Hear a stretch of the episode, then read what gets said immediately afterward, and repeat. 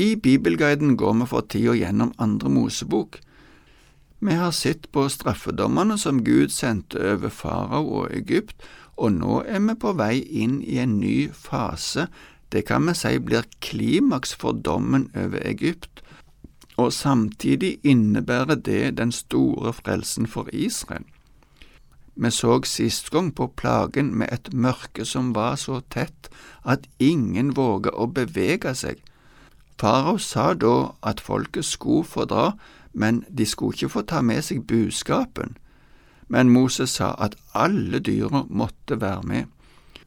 Og da ble farao så sint at han sa at hvis Moses viste seg igjen, ville han komme til å dø. Det er sannsynlig at kapittel 11 bare er en fortsettelse av den samme samtalen, og vi ser i vers 8, som vi snart skal lese, at Moses gikk ifra farao i brennende sinne. Men la oss nå lese dette kapitlet. Det er bare ti vers, så vi tar alt på en gang. Herren sa til Moses, Enda en plage skal jeg føre over farao og Egypt. Deretter skal han la dere dra herfra, og ikke bare la dere dra, han skal jage dere ut herfra. Si så folket hører det, at hver mann og hver kvinne skal be naboen sin om gjenstander av sølv og gull. Og Herren lot egypterne se med velvilje på folket. Moses ble også ansett som en meget stor mann i Egypt, både av faraos tjenere og av folket. Moses sa, Så sier Herren, ved midnattstid vil jeg gå gjennom Egypt. Da skal alle førstefødte i Egypt dø, fra den førstefødte hos farao som sitter på sin trone, til den førstefødte hos slavekvinnen som står bak kvernen, og alle førstefødte dyr i buskapen. I hele Egypt skal det lyde et skrik så høyt som det aldri har vært maken til det før, og heller ikke skal bli det siden. Men ikke en hund skal knurre mot noen av israelittene, verken mot mennesker eller dyr. Slik skal dere forstå at Herren setter et skille mellom egypterne og israelittene. Da skal alle disse mennene dine komme ned til meg og bøye seg for meg og si, Dra ut, du og hele folket som følger deg, og så skal jeg dra ut. Dermed gikk han bort fra farao i brennende sinne. Herren sa til Moses, Farao kommer ikke til å høre på dere. Så kan jeg få gjort mange under i Egypt. Moses og Aron gjorde alle disse undrene for farao. Men Herren gjorde faraos hjerte ubøyelig, og han lot ikke israelittene dra ut av landet. Gud sa til Moses at nå ville den siste plagen komme.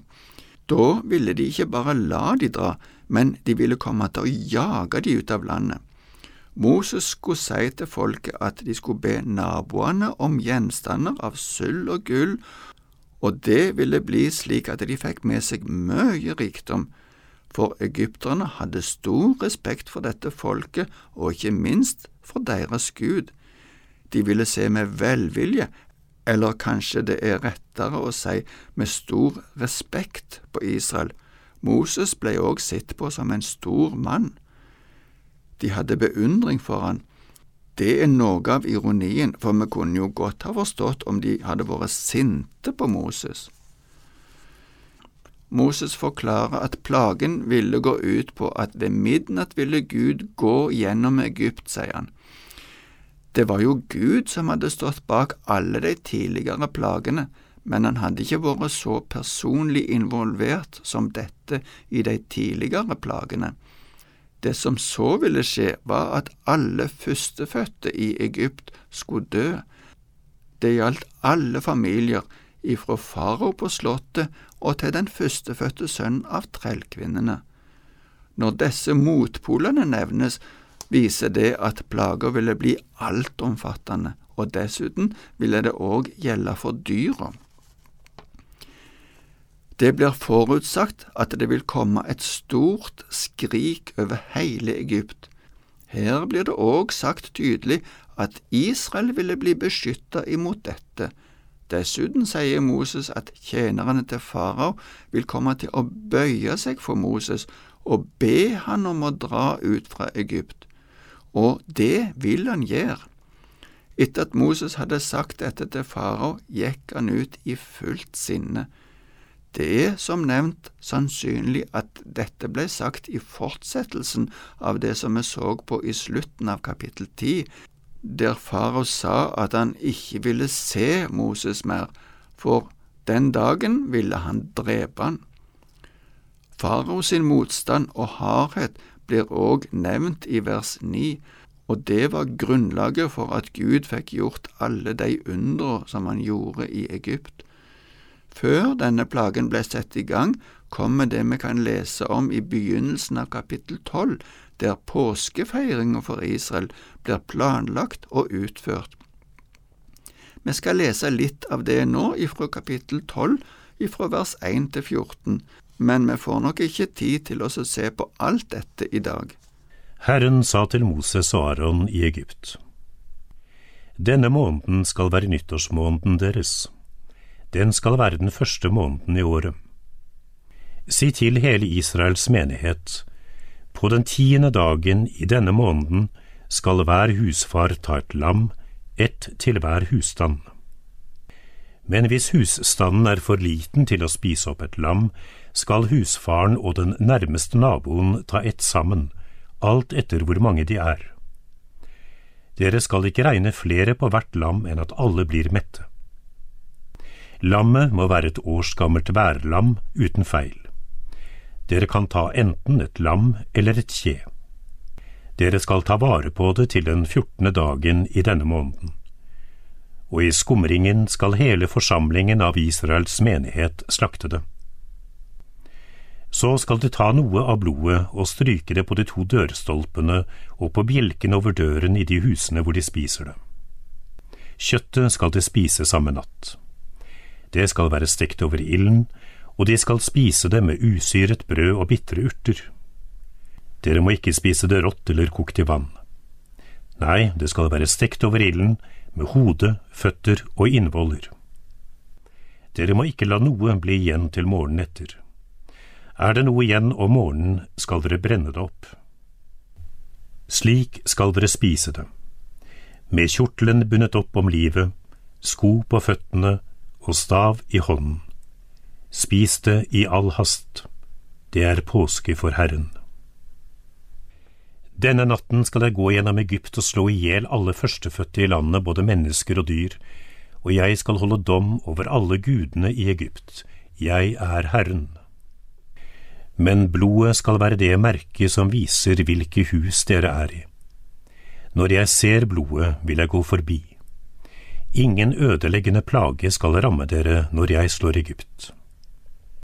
Siden skal denne dagen være en minnedag for dere. Dere skal feire den som en høytid for Herren, dere skal feire i slekt etter slekt. Det skal være en evig ordning. I sju dager skal dere spise usyret brød. Allerede den første dagen skal dere fjerne all surdeig fra husene deres. Hver den som spiser noe som er syret, fra den første til den sjuende dagen, skal støtes ut fra Israel. Den første dagen skal dere holde en hellig samling, den sjuende dagen skal dere også holde en hellig samling. Disse dagene skal dere ikke gjøre noe arbeid. Bare den maten som hver av dere trenger, skal dere lage til. Dere skal holde de usyrede brøds høytid, for på denne dagen førte jeg hærene deres ut av Egypt. Derfor skal dere feire denne dagen i slekt etter slekt. Det skal være en evig ordning. Det som skal skje, vil bli en ny tidsregning for Israel. Før dette var de slaver, og ifra nå av er de frie dette markerer frelsen. Påske, som betyr forbigang eller passering, innebærer at dommen passerer forbi, slik at de blir frelst og fri. De blir fri både ifra domshandlingen Gud sender over Egypt, og ifra slaveriet der de har vært bonde så lenge. For å trekke linjene tilbake til det vi så i kapittel 11, at Moses gikk ut ifra farao, så ser vi at det må ha gått noen dager. Det blir sagt at på den tiende dagen i denne måneden skal alle familiene finne et lam. Om dette ble sagt allerede da måneden starta, er usikkert, men det må ha blitt sagt før den tiende, og så skulle dette lammet passes på fram til den fjortende. Da skulle det slaktes, og så skulle dommen over Egypt skje natt til den femtende. Derfor har det gått minst ei uke, kanskje to, ifra Moses forlot farao og til denne dommen kom. Som jeg nevnte, ble dette en ny tidsregning for jødene. Jeg vil gjerne trekke en parallell til Jesus. Vi skal se seinere at påskelammet som ble slakta, kan peke på Jesus. Her vil jeg bare nevne at med det som skjedde med Jesus, så begynner der en ny tidsregning. For Guds folk i den nye pakten er Jesus starten. Derfor begynner de kristne å regne åra etter Kristus, og det gjør vi fremdeles. Kanskje du vil si at det skulle ha vært etter Kristi død og ikke etter hans fødsel. Det kan så være, men lammet i Egypt ble heller ikke slakta i begynnelsen av den måneden som skulle være den første. Men nok om det. Vi nevnte at det som skjedde i Egypt var en dom over farao, men samtidig var det en frelse både ifra dommen og ifra slaveriet. Slik er òg det som skjedde da Jesus døde på korset, en dom over Satan, og egentlig en forløper for den endelige dommen over alle som følger Han.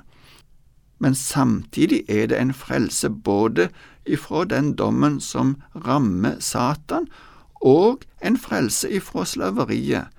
Vi er ikke lenger slaver under synda og djevelen, sjøl om den er rundt oss fremdeles. Etter at Israel ble frelst, begynner de på vandringen mot det landet som Gud hadde lovt dem. Det er en lang og vanskelig vandring, og det skal vi se på litt etter hvert.